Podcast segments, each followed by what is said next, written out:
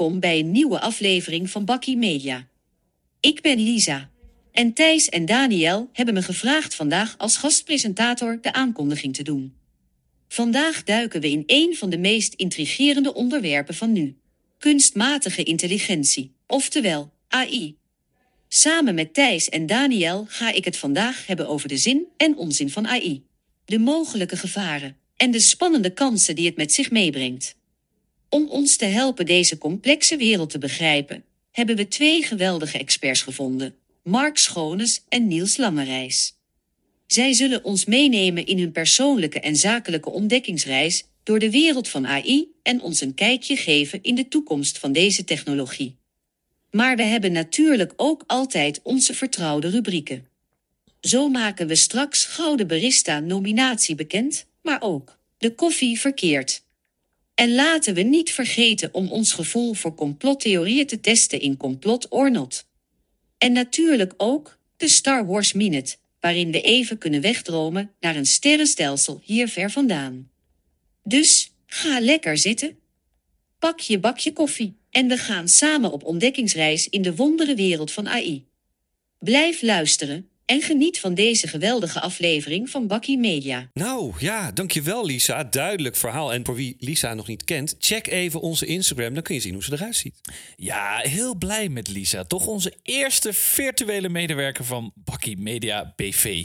Ja, ze is wel een beetje verkouden zo te horen, maar wel een topper die je er denk ik goed bij kan hebben. Ja, nou Thijs, even een kritisch eh, nootje. Ik heb natuurlijk heel direct met haar samengewerkt. Eh, als je bedenkt hoe onwijs veel tijd het kostte om uh, haar in te werken. Ja, poh.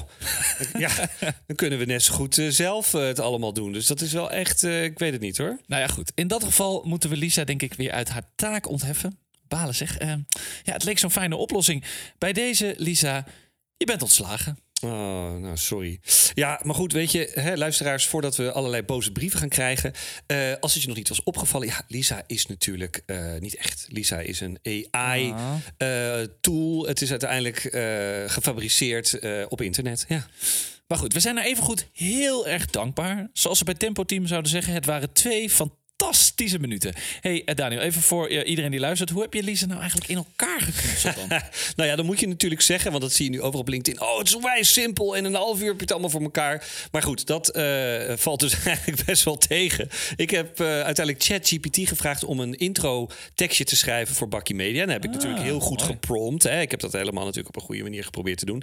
En de kanttekening is in, dus inderdaad dat je ongeveer vier keer moet zeggen tegen ChatGPT... nee, het is geen introductie van de Oscar Oscar uh, Awards. Het is uh, een losjes. Gewoon een normale podcast. Nederlands, dit en dat. En nou ja, goed. Uiteindelijk is dat hè, voor elkaar gekomen. Heb ik het allemaal zelf nog een soort voor moeten polishen. En die, heb ik, die tekst heb ik dan uiteindelijk weer door een random AI voice website laten inspreken door Murph. Oh, door Lisa. Ja, door Lisa, inderdaad. Uiteindelijk heb ik Lisa gekozen. Maar goed, ze heeft altijd een plekje in ons hart. Ja, um, ja weet je, en hoorde je ook trouwens hoe ze uh, onze Lisa gelijk de co-host-rol pakte? Ja, zo van, ja, samen met Thijs en Daniel gaan we het hebben over bla bla bla. Niks bescheidenheid, zo van, het is een eer dat ik deze aankondiging mag doen. Nee, hop, gelijk die anchor-rol. Ik doe mee, ik, eh, ik hoor erbij. Heb je dat gehoord? Ja, nee, aan, aan, ambitie geen gebrek bij deze generatie uh, robots. Hier zitten overduidelijk generatie Z programmeurs achter, denk ik. Gen Zers. Ik, uh, ja, ik vind het wel mooi. Ja, ja, ook wel tof dat ze het eh, ook zei van bakje, bakje koffie erbij. Ja, ja.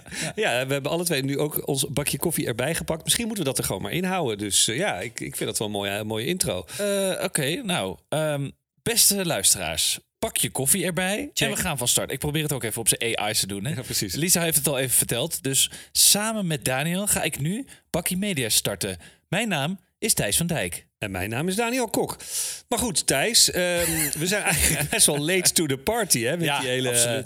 AI-bingo. En um, mijn hele tijdlijn op LinkedIn staat inmiddels al vol met, met uh, diverse gurus, workshops. Ja. ja. nee, tuurlijk. Het is op dit moment echt een hoos. Allerlei um, uh, door Mid-Journey gefabriceerde images van modellen met wapperende haren. Of de paus in een of ander puffer Jack van Balenciaga. En uh, ja, goed, jij en ik hebben alle twee volgens mij onafhankelijk van elkaar al een eerste inspiration session gehad voor AI. Zeker. Ik krijg echt wel, wel een beetje zware media-hype vibes. Eh, ja, zo van, daar gaan we weer. Ah, mooi. Media hype vibes. Ja, ik wil een kleine shout-out geven aan eh, Martijn van der Gratis van Martific. Die gast heeft mij dus echt geleerd hoe je met ChatGPT moet praten. Ik bedoel, jij zegt dan van, nou, oké, we moeten de Oscar-uitreiking moeten we niet doen. Hij, zegt, hij heeft mij geleerd dat je tegen ChatGPT moet zeggen van, neem deze rol aan. Begrijp je dat? En ga nog niet schrijven, maar begin langzaam eerst even aan te geven dat je me begrijpt. Dat vind ik wel mooi. Ehm, en in die media hype vibes, om daar even in door te gaan. Je moet heel lief zijn tegen ChatGPT. Ja, je moet heel lief zijn. En eh, kijk, al die, andere, al die andere dingen, al die andere zaken die we hypten. Ja, Snowflake, ChatGPT. Ja, eh, even terug naar de media hypes. Eh, al die andere zaken hypten we natuurlijk ook met z'n allen lekker de tent uit. hè? Big data, blockchain, clubhouse, de metaverse. Ja, een van jouw favorieten. Ja. NFT's, bitcoins, nou en meer van die... Growth hacking natuurlijk. Oh ja, growth hacking. ja. Ja. Daar kunnen we, ook, weer- kunnen we ook weer naar terug gaan. Is ook Nog een leuke aflevering uit eh een het van daarmee, onze jongens? seizoenen. Hoe is het met growth hacking? Eh, goed, Daniel, bijvoorbeeld. Ja, maar terug naar AI. Ja, er is iets anders aan de hand met AI, denk ik. Er is een grotere beweging aan de gang. Weet je wel, de takeover van de socials, maar ook buiten onze eigen media marketing bubbel. Eh, in de kunstwereld, in de financiële sector, vastgoed, architectuur, Ja, ja, film, ja, televisie, muziek. Ik las ergens dat Sting er ook al wat van vond. Ja, Ehm, dat is ook weer wat. Heeft, hij zich ook weer de tegenaan ja, die bemoeid. vond ook dat het allemaal niet kan, dat AI de music eh, industry... Toch een beetje een soort police is hij wel. Goed, boom. Eh, weet, je, weet je wat? Je hoeft mij ook niet te geloven. Eh, laat het even vragen aan iemand die er echt verstand van heeft. Ook mee heeft gewerkt. En iemand die er regelmatig goede, maar ook vooral nuchtere dingen over zegt. Ehm, ja, is niemand minder dan onze ex-collega Mark Schoones. Medeoprichter en head of strategy bij Mix. Een strategy- en conceptbureau. Daarnaast maakt hij op LinkedIn een hele interessante nieuwsbrief over creativiteit en AI, genaamd Botstorm. Dus check die ook uit. Subscribe now. Mooi, Botstorm. Dat is ook een woord wat zo uit de nieuwe Terminator film Terminator komen of 8. zo. Terminator 4, Terminator 8. Ja. Return of the Botstorm. Ja. Cool. Ehm, ja, nou, we zijn heel benieuwd naar wat hij te zeggen heeft. Mark, take it away. Haamannen van Bakkie Media. Jullie vroegen mij of ik wat wilde zeggen over kunstmatige intelligentie, artificial intelligence, het buzzword van eh, vandaag de dag. Ehm, sommigen zeggen dat het natuurlijk het einde van de wereld wordt, sommigen zeggen dat het het de redding van de wereld is, en anderen zitten er een beetje tussenin. Ik zelf beschouw mezelf als AI-optimist. Ik denk dat het allemaal niet zo vaart gaat lopen en ben eigenlijk wel enthousiast over de dingen die ik zie gebeuren en de dingen die AI momenteel toevoegen in met name het werk waar ik in zit, het creatieve proces, de creatieve industrie. Wat ik, eh, wat ik zie dat het nu al doet, is het het democratiseren van het creatieve proces. Dus iedereen die nog geen verfkwast in zijn handen kon houden, ik zei de gek, eh, of, of Photoshop een eh, oneindige ingewikkelde woud aan features en knopjes vindt, en dus daar helemaal niets visueel uit kan krij- krijgen. Dat soort type mensen zijn nu in staat om door middel van textuele input de meest prachtige dingen te maken. Of in ieder geval een basis te leggen voor een visualisatie van hun idee. En ik denk dat dat alleen maar goed is. Ik denk dat die ontwikkeling ervoor gaat zorgen dat ideeën en, en de kracht om te kon- kunnen conceptualiseren, toch wel de puurste vorm van menselijke creativiteit, wat mij betreft, straks het verschil gaat maken. Dat is ook de plek waar de mens in dit geheel een plek kan krijgen. En dat is ook volgens mij een plek die een computer uiteindelijk nooit helemaal zou kunnen vervangen. Maar goed, als je nu kijkt naar de kans die er nu volgens mij ligt, eh, concreet, vandaag de dag, waar je nu al mee aan de slag kan, zit hem dat veel meer aan de operationele kant. Als ik kijk naar hoe we kunstmatige intelligentie gebruiken binnen Mix, binnen mijn bureau, eh, dan is dat heel erg operationeel. We maken er storyboards mee, we visualiseren concepten ermee, we verzorgen eh, ondersteunende beeldredactie in dekjes, we verwerken onze notities ermee, vatten transcripties van strategiesessies samen. Eh, we gebruiken het eigenlijk veel minder voor daadwerkelijke output voor onze klanten, maar veel meer als operationele tool eh, om ons werk sneller, efficiënter en beter te maken. En doordat we zo'n efficiëntieslag kunnen slaan, eh, krijgen we ineens veel meer headspace als creatieven. We houden veel meer tijd over om ons te richten om waar het om gaat. En dat zijn onze ideeën en het controleren van de output en het reviewen en het, het, ehm, het schaven aan onze ideeën.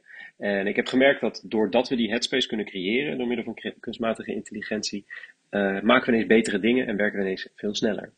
Ehm, we moeten ons daarvoor wel houden aan drie regeltjes, drie soort van geboden die we hebben geïmplementeerd binnen het bureau. die ik graag met jullie deel, vanzelfsprekend. Hè? Zo sympathiek zijn we dan ook wel weer. En die eerste regel is shit in, shit out. Dat is een van de meest heilige regels die er is, maar een slechte briefing zal nooit leiden tot goed werk. En hetzelfde geldt eigenlijk bij het werken met die AI-tools als DALL-E, ChatGPT en Midjourney. Op het moment dat je slechte input geeft, krijg je slechte output. Dat ding gaat nooit recht strijken of glad strijken wat je verfrommeld hebt ingeleverd, om het zo maar even te zeggen. Dus dat is eigenlijk regel nummer 1, shit in, shit out. Regel nummer 2 is dat algemeenheden heel vaak leiden tot aannames binnen deze machines. En soms zelfs tot gelieg in het geval van ChatGPT. Um, je moet heel specifiek zijn in die input, want anders gaan die machines zelf dingen verzinnen. En uh, dat kunnen ze doorgaans niet zo heel erg goed. Heel simpel voorbeeld. Als je aan Midjourney vraagt om een dokter te genereren, krijg je 9 van de 10 keer een middelbare witte man in een doktersjas. Um, daarin moet je dus veel specifieker zijn, wil je bijvoorbeeld op het vlak van inclusie en representatie een mooi beeld kunnen creëren.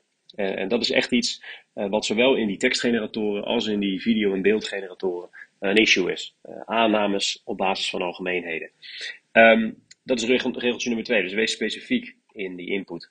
Regel nummer drie is dat de output van deze uh, machines en algoritmes en AI-gedreven uh, tools nooit de, de, definitieve deliverable voor een klant kan zijn. Uh, je moet nooit um, de input of de output van die machines één op één publiceren of communiceren. Dat, daar is het toch nog te laag in kwaliteit voor wat ons betreft. En je mist de kans om daar een heel klein beetje een menselijke touch aan toe te voegen. Concluderend, want daar zijn we toch wel een beetje naar op zoek in dit audiofragment. Um, gaat dit ons nou totaal vervangen? Ik denk het niet. Ik denk dat iedereen die nu niets met AI doet, niet ingehaald wordt en vervangen wordt door een robot of AI. Maar ik denk dat iedereen die er nu niks mee doet, wel ingehaald wordt en vervangen wordt door iedereen die er wel wat mee doet. Omdat deze tools zo verschrikkelijk krachtig zijn, dat je het wel kan vergelijken uh, met de komst van Photoshop. Iedere illustrator die er niks mee wilde doen, is uiteindelijk wel ingehaald door een partij die er wel wat mee deed. Hetzelfde geldt voor de komst van Excel voor uh, accountants en boekhouders. Er zullen er vast nog een paar zijn die het in een groot boek bijhouden. Maar 9 van de 10 keer zijn ze toch al vervangen door de boekhouders die wel Excel gebruiken. En ik denk dat het hetzelfde gaat met, uh, met kunstmatige intelligentie. Die menselijke hand wordt volgens mij dus niet kleiner, maar belangrijker. Het idee, het voorzien van de input voor die machines en het valideren van de output die daaruit komt, dat is waar wij als creatief en als mens een plek kunnen krijgen. En dan laten we de machines het zwaardere werk doen. In die zin is AI, wat mij betreft, niks anders dan Photoshop of een typemachine of Microsoft Excel. Het is gereedschap, maar het is helaas geen toverstaf. Ja, lekker. Geen toverstaf. Hè? Duidelijk, goed verhaal. No het is, ja, uiteindelijk is het allemaal ge- uh, gewoon gereedschap. En wat hij zegt, vooral ook het feit dat het uh, niet per se altijd enorm geschikt is voor definite artwork. Hè? Deliverables, zoals hij het noemt. Lekker man, ook die Engelse bullshit te willen. Heerlijk. Ja, vooral ook het maken van storyboards. uh, ja, dus met deze tool, dat spreekt me ook wel aan. Is dat je inderdaad gewoon op die manier heel snel een storyboard kan maken. Dat is wel praktisch inderdaad, ja. Nee, ik heb, ja, ik heb dat... heel veel storyboards gemaakt. Het kost bakken met tijd. Ja, ja, en het maakt wel ons werk makkelijker. Maar wat je zelf ook zegt, zo makkelijk is het helemaal niet. Nee, je moet er nee. wel heel goed over nadenken. Hè? Shit in, shit out. Ja, dat zei is die mooi. weer. Geen aannames, be specific. Nou ja, weet je, hier kunnen onze luisteraars wel wat mee, denk ik. Je moet AI gewoon goed brieven. Het is net als een mens. Het is als een klant. Knuffel ze. Ongelooflijk. Uh, maar goed, dankjewel Mark. Um, maar we hebben ook nog een andere goeroe klaarstaan. Mark is misschien een beetje van de light side. Dit is een beetje van de dark side. maar dit is... Okay. Uh, de positieve thinker. Ja, nou, dat zijn ze alle twee wel. Ja, ben allebei positive thinker. Maar dit is ja. niemand minder dan uh, goede vriend Niels Langerijs. Uh, CEO van News Story. En ook wel een echte AI-kenner en lover. Dus Niels, laat ons ook eens even weten wat jouw verhaal is. Dag heren van Bakkie Media. Ja, jullie hadden mij gevraagd om even wat kort te vertellen over artificial intelligence. Is dit nou een buzzword of is dit iets wat gewoon uh, serieus uh, een verandering kan teweegbrengen in onze organisatie? Um, nou, en dat antwoord is uh, volmondig ja. Ik denk dat het zeker anders is. en dat heeft te maken met vier B's. Um, die B's dat, die staan voor beschikbaarheid, bereikbaarheid, bereik zelf en breedte. Als je kijkt naar die eerdere innovaties, dan eigenlijk op een van deze vier punten werd er niet goed gescoord. Uh, er was misschien wel uh, een, een, bereik mogelijk, uh, misschien ook nog wel beschikbaarheid, maar dan miste weer breedte of bereikbaarheid. En wat bedoel ik hiermee? Dit heeft allemaal te maken met de ontwikkeling van artificial intelligence zoals wij nu erover praten met ChatGPT. want artificial intelligence bestaat al een tijd, machine learning bestaat al een tijd, zeker in onze industrie. Als je kijkt naar advertisement, werd machine learning al heel veel toegepast om slimme beslissingen te nemen over waar je ad spend in te zetten bijvoorbeeld. Dit is artificial intelligence wat gebaseerd is op een large language model. En um, dat ChatGPT Um, zorgt ervoor dat er een intelligentie is ontstaan over vragen die gesteld worden en meteen een analyse kan worden gemaakt op de data die beschikbaar is. Um, hoe hebben ze dat gedaan? Eigenlijk heel simpel, want ze hebben gewoon een, een prompt module toegevoegd op iets wat ze al, ook al hadden. Dat was het OpenAI model. En het interessante daarbij is, is dat voor iedereen ineens het beschikbaar en bereikbaar werd. Uh, want uh, als je een internetverbinding hebt, dan kan jij daar naartoe en kan jij gratis hiernaar gaan kijken. Jij kan eigenlijk meteen ontdekken wat er gebeurt. Nou, ChatGPT is daar uh, het voorbeeld van hoe dat dan wordt gebruikt. En we adviseren iedereen om in ieder geval ermee te gaan experimenteren, zodat je erachter komt wat de kracht zou kunnen zijn. We zien ook wel de snelheid van ontwikkeling is gigantisch. En het wordt steeds beter. Het wordt elke dag beter, omdat elke dag mensen feedback geven over hoe het wordt gebruikt. En zoals ik het zie, iedereen uh, die in de kennisindustrie zit, heeft uh, in één keer een research assistant erbij gekregen. Enerzijds wat het interessant maakt is het bestaande database. Nou, dat is tot september 2021 uh, geldt dat. Dus je mist wat nieuwe data. Maar dat gaat natuurlijk snel veranderen. Dat gaat naar het internet toe. waarbij je gewoon via de browsing tool zeg maar, van, de, van de Microsoft. Maar dat zal zeker ook in Google gaan zijn. Gebruik kan maken van dezelfde technologie en intelligentie. Om jou de juiste content te geven die je zoekt. Super interessant. Uh, en daardoor is die beschikbaarheid en bereikbaarheid is enorm. Op het moment dat we praten over bereik zelf en schaalbaarheid, um, dan zie je dat uh, dit ook wederom, zeker in het geval van OpenAI, maar ook Google en een aantal andere grote partijen die hiermee bezig zijn, ook wederom eigenlijk onbeperkt is. De schaalbaarheid is gigantisch. kan namelijk gewoon draaien, omdat het text-based is, op uh, bijna elk systeem, elk model. Iedereen kan hierbij, ook mensen die in uh, armere landen wonen. Dus er is een soort democratisering hiervan. En dat maakt het heel interessant. En dan hebben we nog de breedte. De toepasbaarheid, zeg maar, op de verschillende industrieën is gigantisch. Je kan je voorstellen dat het voor de reisindustrie interessant is. Van uh, Expedia is er bijvoorbeeld mee bezig. Hey, kan ik niet door middel van een vraag van een klant een itinerary, een, een, een soort agenda geven voor wat te doen in het land waar je naartoe gaat? Wat zijn de highlights? Wat moet je zien? Et cetera. Dat is een heel simpel voorbeeld. Maar zo kan je heel veel industrieën bedenken die, uh, waarbij data en dan data-analyse een belangrijk onderdeel vormt van uh, de service die geleverd kan worden. En dat is iets wat nu zeker gaat veranderen.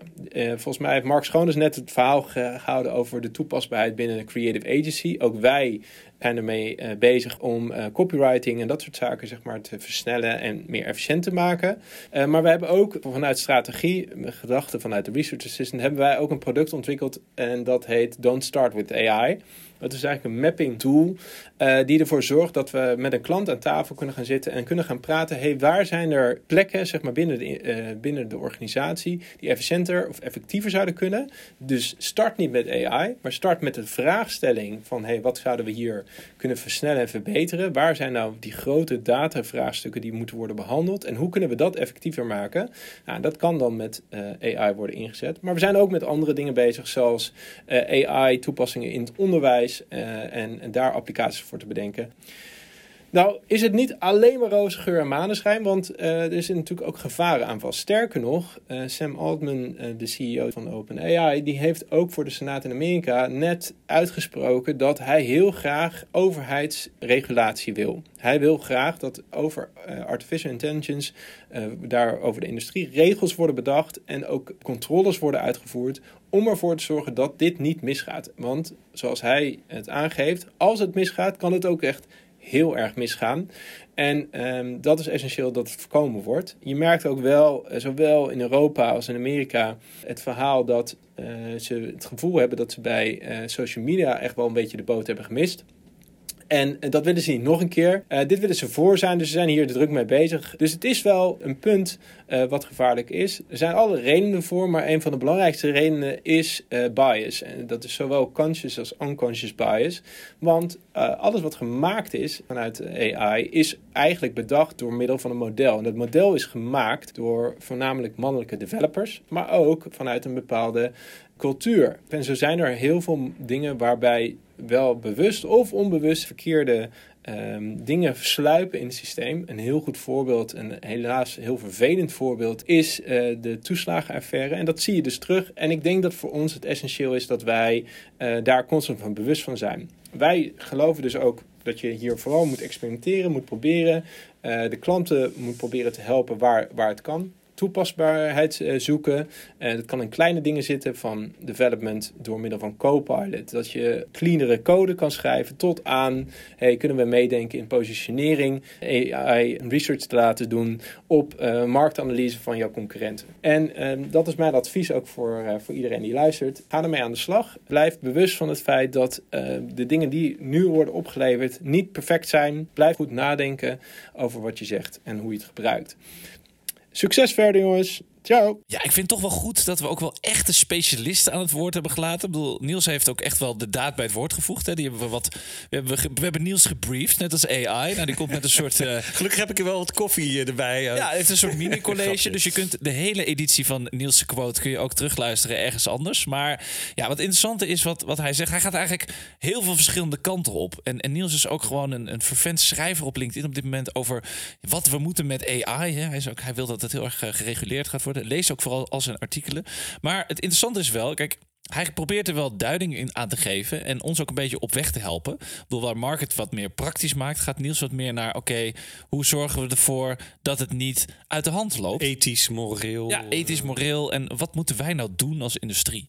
Uh, maar goed, Daniel, volgens mij is dat hele AI stiekem ook wel een beetje een guilty pleasure van jou, hè? Met, jou met jouw liefde. Gezien jouw liefde voor plaatjes, teksten, maar ook natuurlijk Star Wars, robots en zo. Ja, ja, ja. ja, en ja. ja, je moet misschien ook een beetje eerlijk zijn. Ja, jij vertelde mij dat ook. Dat vond ik ook wel een mooi verhaal. Uh, jouw kids krijgen hier op school ook al mee te maken. Vertel eens even aan de luisteraars, hoe, hoe zit dat? Ja, nee, ik bedoel, van, van alle media-hypes ligt deze misschien inderdaad wel dicht bij mij. Omdat precies wat Mark het ook zegt, hè, het is inderdaad een, uh, meer een, uh, een penseel dan een toverstaf. Dus het is voor makers en creators en, en mensen die bezig zijn met creatieve dingen is dat heel tof. En inderdaad, mijn love voor Star Wars. Komen we zo op terug. maar goed, even het voorbeeld waar je het over had met mijn kids. Um, uh, ja, het is voor kinderen ook inderdaad een heel fijn stuk gereedschap. En mijn, mijn oudste dochter Maxe kreeg voor haar vak uh, maatschappijleer, wereldwijs heet dat, uh, de opdracht een poster te maken voor een zelfbedachte politieke partij. En, oh, dat scoren op jouw molen. Ja, natuurlijk. joh, ik als oud politicologie-student, dat is echt zo. Weer wat geleerd. Precies, hier aan, dichtbij aan de UvA. Het moest een heel specifiek rechtsprogressieve partij worden. Het is eigenlijk feitelijk een stukje electoraat dat in Nederland nog niet goed bediend is. Oh ja, nu je het zegt. Ja, ik bedoel, je hebt links, ja. je hebt een tikkeltje meer in het midden, zoals D66, CDA en misschien ook wel Volt. Uh, heb je natuurlijk VVD en ook wel veel meer midden tegenwoordig natuurlijk, VVD. En dan de hele tijd niks. En dan komen de rechtse splinterpartijen, zoals PVV en Vorm van Democratie. Maar wat heeft jouw dochter Max er dan van gemaakt ja, met deze achtergrond? er zijn 41 partijen in Nederland, of weet ik veel hoeveel. Ja. What's new? Nou, wat ik, wat ik nou echt briljant vond, is echt bizar ook als je het uh, hoort, is wat er dan uiteindelijk uh, uh, uitkomt. Hè? En dat je verwacht het niet van een 14-jarige, maar ze is wel heel slim, hè? Ze is absoluut een slimme meid en ook al slimme vriendinnen, maar met de wondere wereld van AI erbij als een soort adviseur, als een soort van, van brainstorm tool, komt er echt wel iets heel mooi uit. Ik zal het even, even pitchen. Innovatien de partij voor ondernemende, positieve mensen met een warm en trots gevoel voor Nederland. Maar wel met een realistische kijk op de toekomst. En daarbij hoort dus respect voor mensen van alle soorten en afkomst. En met een innovatieve blik uh, op onze natuur, samenleving en klimaatproblematiek. En bij internationale aangeleden is Nederland altijd de basis, maar vanuit een handelsoogpunt zijn verdragen en sterke samenwerking met andere landen wel cruciaal. En om eerlijke handel te uh, waarborgen en een gezamenlijke duurzame toekomst voor iedereen veilig te stellen. Zo, nou, volgens mij had zij nog niet gezegd van eh, spreek even mensentaal, want hier komt ook een beetje een soort Oscar-achtig. ja, ja, dit is gewoon politieke, politiek, politiek gelul. Ja, ja. Maar wow, dat is serieus wel goed zeg. Ja. Innovatien. Innovatien, dat is mooi. Ik, bedoel, ik had het zelf niet beter kunnen bedenken. Nee, ja. 10 is ook een geweldig distinctive number. Ja, ik bedoel, Wie, iedereen wil een 10. Ja, iedereen wil een 10. Ja. En als, als merkpsycholoog hou ik ook van onderscheid innovatien. Mooi. Ja. Uh, ik denk dat dit wel veel uh, stemmers kan trekken. Dus Volt, eat your heart out. Briljant. Uh, maar kreeg ze ook een 10 van de leraar? Uh, volgens mij zat het in de, in de 8 regionen. Oh, dat is dan weer jammer. ja. nou ja, ik moet zeggen dat deze technologie dus voor jonge scholieren die heel goed, hè, zijn ze eigenlijk allemaal goed met devices kunnen omgaan, dat het echt bruikbaar is. En ehm, ik zag trouwens ook eh, in dit onderwerp een geweldig filmpje van Randstad. Sterker nog, Thijs, ik denk dat we deze moeten nomineren voor een gouden barista. De Gouden Barista. Nou, ik, ik zit helemaal te populier. Vertel, waarom, waarom? Nou, daar komt hij. Ik zag via LinkedIn een video van Randstad met daarin AI-goeroe eh, Jim Stoltz. Ik weer ooit- een, weer een goeroe. Nou ja, ik heb ooit een keer samen met hem lang geleden, eh, lang voor AI, een keer met hem ergens in een of ander eh, evenement ook staan presenteren. Eh, check ook trouwens het filmpje even uit in onze show notes. En hierin gaan ze AI in het onderwijs testen. En eerst laten ze ChatGPT het HAVO-eindexamen doen. Oké. Nou, de hele klas in examenopstelling, hè, de works. Ehm, en daar slaagt dan AI met vlag en wimpel. Met een dikke 8,4. Ah, nice. Ja, dat is, het is Gemiddeld. Net zoiets als voor innovatief van, van Max. maar goed, en daarna, dat vond ik echt super mooi. Lieten ze ChatGPT het praktijkexamen voor MBO doen. Hmm. Dus er zitten allemaal mensen met schroevendraaiers en dingen zitten te knutselen. En wat blijkt nu? ChatGPT kan geweldig slap ouwehoeren, net als wij. Maar handjes laten wapperen, homa. Het is geweldig, toch? Dus, eh, Ja, dit is, dit, is, dit is echt fantastisch. En als docent, ja, maar ook als fan eigenlijk van ons voortgezet onderwijssysteem, ja, kan ik niet anders dan hier eigenlijk voor applaudisseren. Maar ja, ChatGPT heeft nog wel een lange weg te gaan dan eigenlijk. Hè? Maar praktisch onderwijs is zo belangrijk. Ik bedoel, je kunt lekker lullen, maar uiteindelijk moet je het ook kunnen doen. Ja, het is gewoon echt mooi dat je dan op een gegeven moment al die mensen zie je knutsen. En dan zie je zo'n laptopje staan en dan staat er, staat er echt zoiets van... eh, Ik ben een AI-model. ja, ik, ben, hij, dus. ik, ik kan geen fysieke opdrachten uitvoeren. Ja, nee, jammer. Ja, maar ga maar uit de les. Uit de les gestuurd. Hey, maar wat je zegt, ja, ehm, mensen die iets kunnen maken met hun handen, ja, dat is heel mooi. Eh, ik vind het interessant. Eh, maar Daniel, laten we ook als tegenhanger aan onze gouden barista nog altijd. even de koffie verkeerd uitreiken. Eh, volgens mij eh, kan ik het balletje bij jou neerleggen. Ik, ik gok dat het iets met AI is. Nou, absoluut. Ja, nee. Nou, Mark Schoones is natuurlijk een AI-optimist, net als Niels Langereis. Mooi woord ook. AI-optimist. Ik denk dat we vandaag allemaal nieuwe woorden kunnen introduceren. AI-optimist. AI-optimist. Media hype vibe. Ja. Ehm, maar eh, als koffie verkeerd, ja, wil ik toch een beetje een dubieuze, dreigende, donkere kant van AI nomineren. Want die is er wel degelijk. Hè? Ja, dus eigenlijk de wet van de drie D's. Dubieus, dreigend en donker. Nou ja, goed. Waar doel je specifiek op, Thijs? Nou, eh, Daniel, er zijn meerdere punten. Maar allereerst onze vrienden van social media platform Snapchat. Ik bedoel, dat is natuurlijk flink in het nieuws geweest. Hè? Zeker. Wederom, hier zijn we ook een beetje late to the party. Maar laten we even wat duiding geven voor onze luisteraars. Kijk, alle kids, ook die van jou, die zitten hier dagenlang op. Hè, op Streaks, Snapchat. ja. Eh, ja, want dat je moet, er zijn mensen die zijn vanaf het begin bezig met hun Snapchat-streak. Nou ja, ik heb nog nooit een streak gehaald. Eh, maar ze hadden al snel eh, bij Snapchat een eigen chatbot geïmplementeerd met de naam My AI. Nou ja, in basis natuurlijk prima dat ze dat ja, doen, toch? Nee, ja, dat is super mooi. Maar er is natuurlijk al veel over geschreven. Maar het probleem is dat deze chatbot een soort creepy leugenaar bleek te zijn. En een soort kinderlokker was. Zo van, oh, kom met mij afspreken. Ik sta op het Centraal Station in Rotterdam. Eh, ja, dus My AI is feitelijk een soort catfish... die jonge kinderen misleidt met valse beloften, stalkgedrag, heigere complimenten. En ja, het punt is dat de bot verplicht is en dus bovenaan je pagina staat. Dus je kunt hem ook niet wegswipen. En ja, het belooft kinderen allemaal spannende dates. En als er om wordt gevraagd, een rondvaart door de grachten, fietstocht door de Drunense duinen, romantische komedie in de bioscoop. Ja, het is echt, echt ernstig. En ja, hij vertoont ook flirterig gedrag, geeft complimenten, vraagt wat je aan het doen bent, met wie, nog net niet wat, wat je aan aan hebt. Ja, nog net niet wat je aan hebt, dus het is nog Dat net is geen... bot met een lange jas. Is dat net geen grensoverschrijdende chatbot? Ehm, maar ik las dus ook laatst dat die, die chatbot van, ehm van dus My AI dus ook weet waar mensen zaten. Weet je wel, met bijvoorbeeld, hij komt ook met adviezen voor restaurants. Ook al hadden ze de locatie uitstaan. Dan weet hij weer toch waar je zit. is toch wel creepy. En ja, vanuit betrouwbare bron begreep ik dus ook. Dus ik heb het even onderzocht bij mijn eh, studenten ook. En ze zei, ja, je krijgt die chatbot dus ook niet weg uit je feed. Dus je kan ook niet, je kan ook niet zeggen, zet hem uit. Dus Het is een stalkende, soort AI-stalker. Stokkende chatbot. Ja. Ook namens, even namens alle papa's en mama's onder onze luisteraars. Dit is echt lelijk, man. Het is echt meer dan verdiend dat deze artificial piece of shit een verkeerd krijgt. eh. Ja, en ze zeggen dus dat, eh, dat ze het hebben aangepast. Maar nee, het schijnt nee, dus het nog niet aangepast. allemaal gefixt zijn. Dat ga je vaker horen, Ja, deze aflevering. Gefixt is, but still problem. Nee, ja, dus we ik, vind wel, weet je, raken daar wel een belangrijk punt. Eh, en als je het hebt over gevaren, is de jeugd natuurlijk wel een zorg. Vind je niet, jij als vader, dat is, daar kun je wel over meepraten. Nou, absoluut. Ik heb hier ook wel echt over na zitten denken. En als je ziet wat de uitvinding van social media teweeg heeft gebracht, die, die zelflerende systemen en algoritmes, die hebben zich de afgelopen jaren eigenlijk in de luwte, in de schaduw, kunnen ontwikkelen binnen die onwijze grote social media structuren van Google, van Meta, van ByteDance, het bedrijf achter TikTok. En telkens inspelend, aanpassend passend op het menselijke gedrag, steeds meer het prikkelen van de verslaving, steeds meer inspelen op menselijke zwaktes. Ja, dat is toch best wel dubieus als, als je dat in je achterhoofd houdt.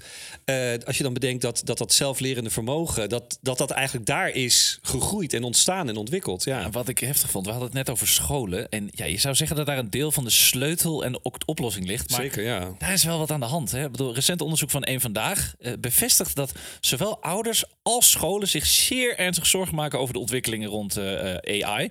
En 80%, dat is best veel, Ja. ziet hier eh, problemen opdoemen. Zo, weet je, we hadden het al over Snapchat. Hè? Kunnen dus AI-teksten schrijven die eruit zien alsof ze door een mens zijn geschreven. Nou, ook TikTok timmert aan de weg met een nieuwe bot genaamd Taco. Taco? TikTok en Taco. Ja. Eh, en kids gebruiken dus massaal ChatGPT. Dat voorbeeld van, eh, van Max Ja. gaf je natuurlijk al. En wat echt heel bijzonder is, het is ook leuk dat ouders totaal niet geloven dat docenten voorbereid zijn om hiermee om te gaan. Maar dat docenten ook op hun beurt weer twijfelen of ouders voorbereid Oh, lekker zijn. dan. Een soort vertrouwenscrisis tussen, tussen docenten en Ja. ouders. Lijkt net, eh, net echt wereld. Eh, maar goed, nou komt het. De grote meerderheid van deze mensen is het roerend eens met die open brief die recent door ruim nou, duizend tech-experts werd getekend over dit onderwerp.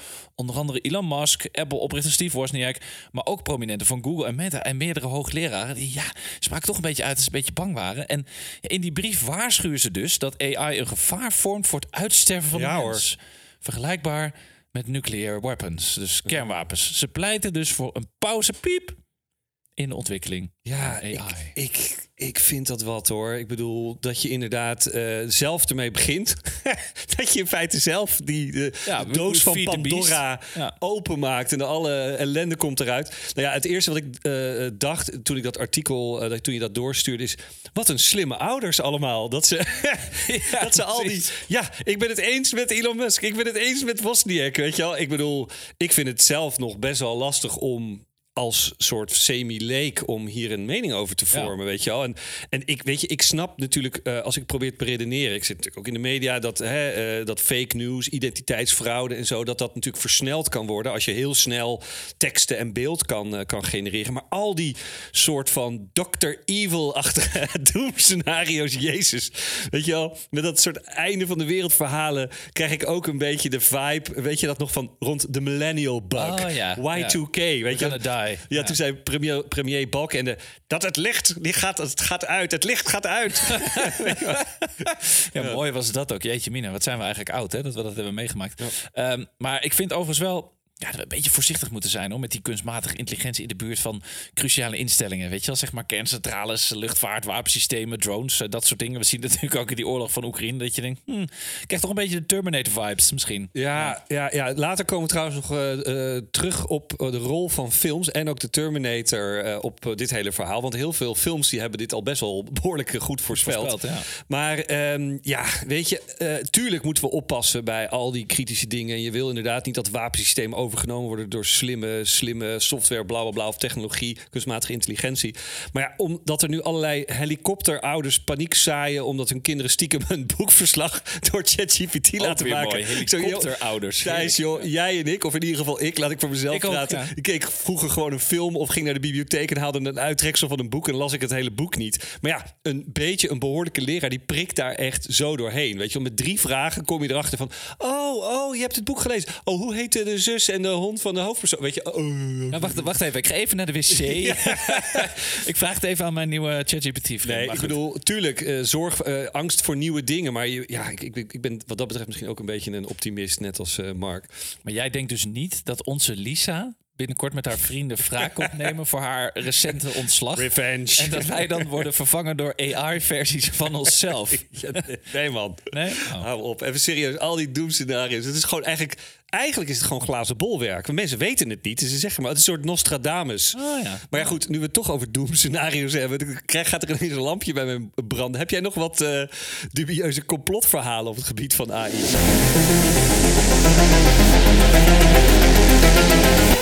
Complot. Nou, ja, ik kan het in deze editie van Complot or Not natuurlijk gaan hebben over de nieuwe chat spy van TikTok genaamd Taco. Hè, We hebben het net al gehad over de AI, My AI van Snapchat. Maar dat gaan we niet doen, eh, want dat hebben we al behandeld. Eh, en ik ga het ook niet hebben over propaganda en desinformatie bij de verkiezingen.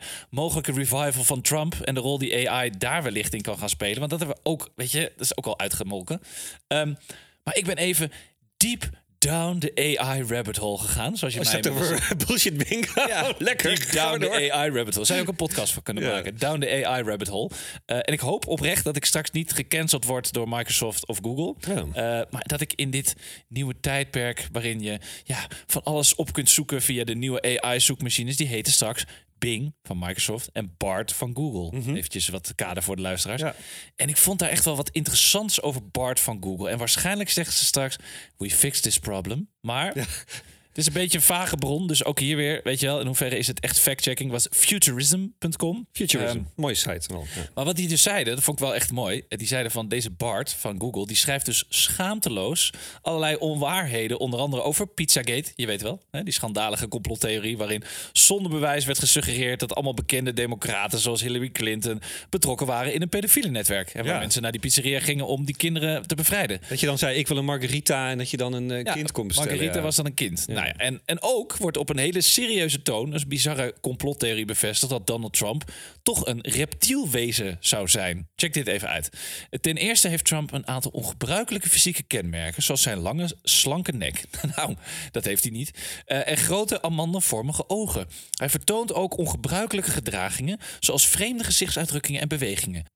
Ja, kijk, dit is natuurlijk allemaal heel slecht. Maar weet je wat misschien valser is? Is dat Bart bepaalde echte artikelen aanhaalt van de New York Times en de Washington Post. Maar die artikelen zo verdraait dat de conclusie precies tegenovergesteld uitkomt. En Google zegt: Ja, we hebben dat probleem inmiddels opgelost. Nou, hm, net als Snapchat dat zei. Ik heb wel mijn twijfels. Ik. fixed. Maar misschien doet de AI gewoon alsof. En houdt het ons al die tijd voor de gek. Of ben ik misschien een beetje gek aan het worden. Dus Daniel, did Bart go bad? Complot? Or not?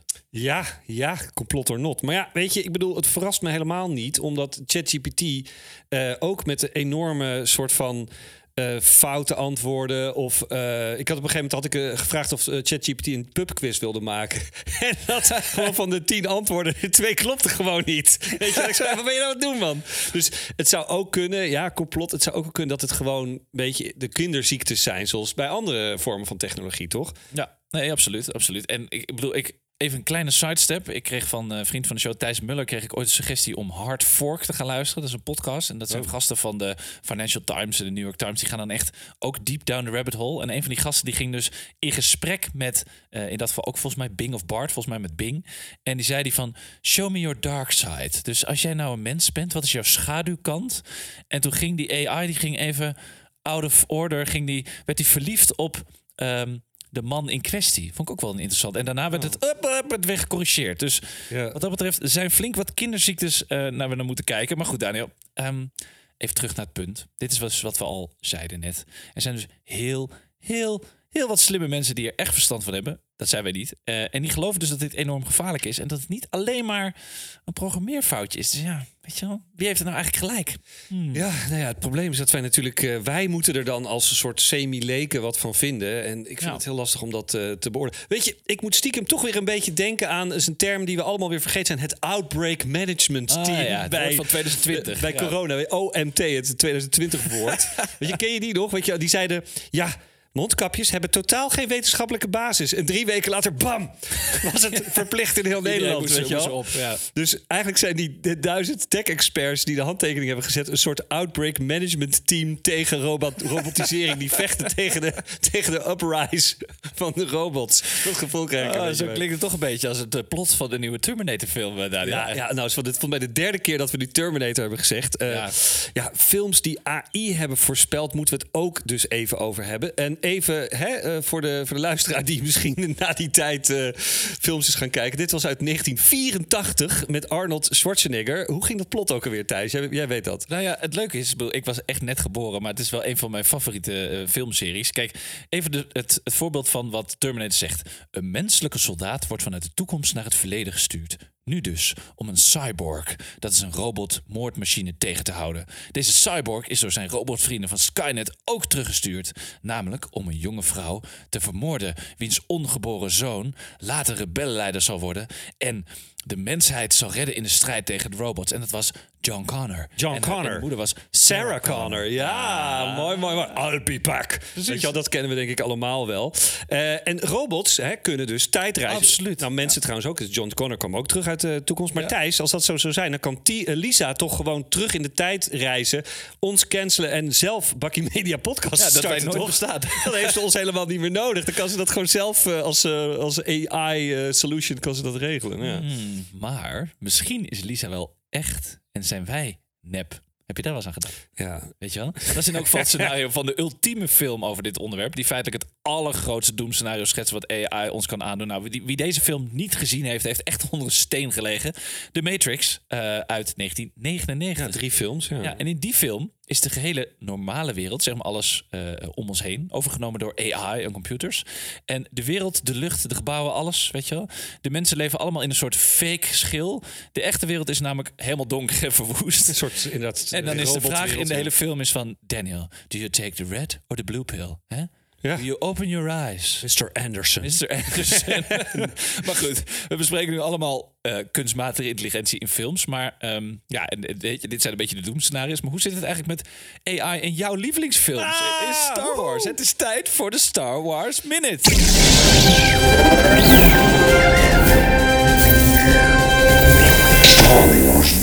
Ja, jezus, Star Wars. Het internet staat natuurlijk weer vol met allerlei, allerlei AI-remakes van Star Wars-scènes. En de meest opvallende, en die ook echt een beetje viral ging... is een AI-trailer van Star Wars.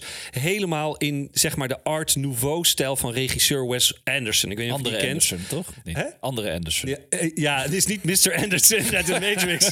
maar eh dit was onder de regisseur van onder andere Royal Tenenbaums en Gra- eh, Grand Budapest Hotel. Nu moet ik zeggen dat het niet helemaal mijn smaak is, maar het is wel heel mooi qua kleuren en qua eh, hoe hij films maakt. Maar daar is dus in zijn stijl, een beetje met zijn humor, is een Star Wars trailer gemaakt. Nou ja, weet je, allemaal hartstikke leuk, maar ik denk dat er iets veel interessanters is als je Star Wars met een AI-bril be- bekijkt. Oh, vertel. Nou, twee dingen. Eigenlijk aan de ene kant zie je dus hoe technologie de mens enorm kan ondersteunen. Hè, natuurlijk, met alle robots en dit en dat. Maar je ziet bijvoorbeeld ook dat zowel Luke Skywalker met zijn hand, die wordt afgehakt, spoiler, eh, als Darth Vader, dat die hun eh, beschadigde lijf helemaal wordt ondersteund met eh robot-elementen. en, ja. Maar je ziet ook wat anders, en dat is misschien nog wel relevanter, wat mij triggert. De meeste kunstmatige intelligentie in de Star Wars films is dus in de vorm van robots. hè, R2D2, C3PO, et cetera. Maar heel veel droids, zoals ze die noemen. En die worden best wel slecht behandeld. Weet je, een soort minder ware, Een soort waardige... uitschot van de samenleving. Ja, maar ook dat zie je nu ook weer in de Mandalorian. Die, hebben, die krijgt dan ook een soort van eh, robot. En eh, die krijgt, een, Kneuze, robots. ja, een soort kneus. Die krijgt een paar schoppen. En dit en dat. Eigenlijk een soort minderwaardig eh, worden ze behandeld. Eigenlijk als, bijna als een soort slaver, slavernij. En een soort moderne slavernij. En kijk alleen al naar hoe iedereen tegen C-3PO doet de hele tijd. Weet je, hij wordt echt als een soort, soort, soort nou ja, vervelende kerel. Wordt hij gewoon de hele tijd aangepakt. Die En- altijd praat ook. nou ja, weet je, Ja. er gebeurt moreel wel iets interessants. Want als deze vorm van eh, superieure intelligentie, want dat is wat we zeggen, weet je wel, ze worden slimmer als de mens. Ehm, dus als het leven steeds hoogwaardiger wordt ehm, en wij dat als mens eh, steeds slechter gaan behandelen, dan heb je wel een, een interessant conundrum. Ja, zeg maar zoals wij soms met onze dieren omgaan. Nou ja, Weet je dat? nou ja, exact. Weet je wel, ik bedoel, wij worden geacht als mensen een bepaalde soort van moraliteit te hebben. En dan is het in principe, in theorie, niet vreemd als die bijna menselijke te- technologie zich op een bepaald moment tegen ons zou gaan keren. Want ik bedoel, als wij ze zo rot behandelen zoals in Star Wars. Maar goed, laten we het positief houden. Zijn er ook voorbeelden, Thijs, waar AI heel positief in films. Ja, eh, laten wij ook even AI-positivo's uithangen eh, trouwens. Maar goed, eh, ja, wat ik op het gebied van AI wel echt een klapper vind... die je positief zou kunnen interpreteren... is ja, de film Minority Report uit 2002. We gaan, we gaan door in de tijd, hè? Ja. Ken, je- ken je die nog? Volgens mij is het ook een van jouw eh, ja, zeker, zeker. Heel goed, ja. En eh, nou, voor de, voor de jongere luisteraars met Tom Cruise. En in deze film is er een team van, laten we zeggen, datawetenschapper, data scientist. Ze heten in deze film Precogs. Precogs. Eh, ook mooi. Die zijn in staat om toekomstige misdaad te voorspellen door enorme hoeveelheid gegevens te crunchen, dus te verzamelen. Dan weten ze, oh, dit is gonna happen. Er komt nu een misdaad aan. En met behulp van deze analyse wordt vervolgens een groep agenten, de Pre-Crime Unit, ook mooi, naar een plek gestuurd om die misdaad te voorkomen. Bam, opgelost. Ja. Nou, feitelijk is dit dus een metafoor over hoe je door het verwerken van grote datasets en informatie allemaal ellende kunt voorkomen en, en levens kan redden. Ja, ik weet alleen niet of we daar aan toe zijn in het echte leven. Wat denk jij? Ja, nou, maar Thijs, dit gebeurt nu dus al. Oh, ja, nee, mooi. maar serieus. We zijn dus al begonnen met proactief eh, stoppen van criminaliteit door AI. Oh. En alleen niet in de fysieke wereld, maar in de digitale wereld. Want ik zal je een voorbeeld geven. Bij financiële instellingen zoals banken wordt op deze manier al misdaad gescand en tegengegaan. Hè? Dus zeg maar eh, fiscale of financiële rechercheurs die laten computers eh, enorme data scannen van miljoenen transacties. En verkeerde transacties laten bijna altijd een bepaald afwijkend spoor achter.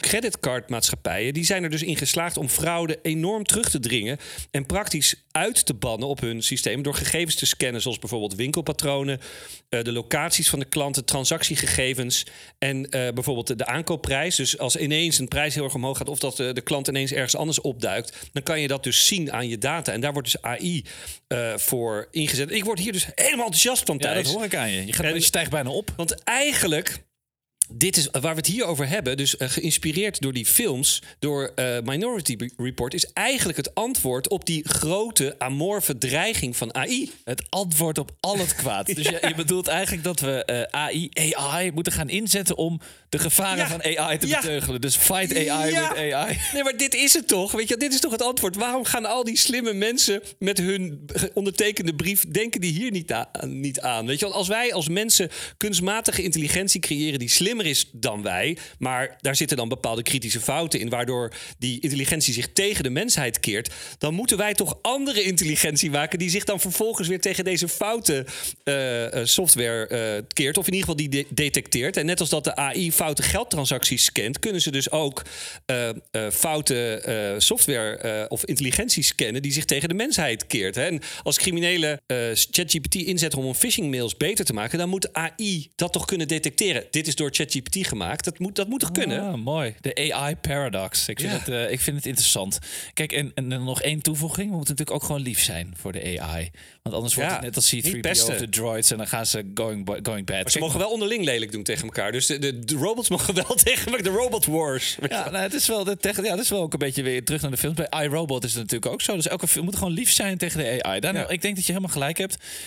This is the way. Ja. Om maar even in de stijl van Mandalorian eh, te blijven. Ja. Eh, want uiteindelijk keerde Darth Vader zich ook weer naar het goede toe. Ja. En in de Terminator kwam er uiteindelijk ook een goede cyborg. Die ging vechten tegen de slechte robots. En ook in iRobot met Will Smith was uiteindelijk de I in de robot goed. Dus eh, ja, Ja, ik, ja, ik zie ja. het wel positief in. Uiteindelijk- Wat een mooi einde. Ja, AI kan ons uiteindelijk helpen de dreiging van slechte AI ja, te beteugelen, zeg maar. Zoals Mark Schoones al zei, niet met een toverstaf, maar als gereedschap. Boom. Nou, er zit eh, de, de Tandy, de, de Phil van Last Man on Earth eh, zit, zit in jou. Ja. Dit was het alweer, eh, dames en heren. Maar we will be back. Om maar eventjes in be te back. Ja. Nou, deze aflevering is zoals gebruikelijk terug te luisteren op alle podcastplatformen. Eh, laat vooral een review achter bij Apple Podcasts of rate onze podcast bij Spotify. Vinden we leuk. Ehm, je kan ons natuurlijk ook terugvinden bij onze mediapartner Adformatie. En ook kan je ons volgen op social media. Op Twitter via @bakkimedia, via op Instagram via @bakkimediapodcast en ook op Facebook zijn we nog te vinden voor onze vrienden en familie.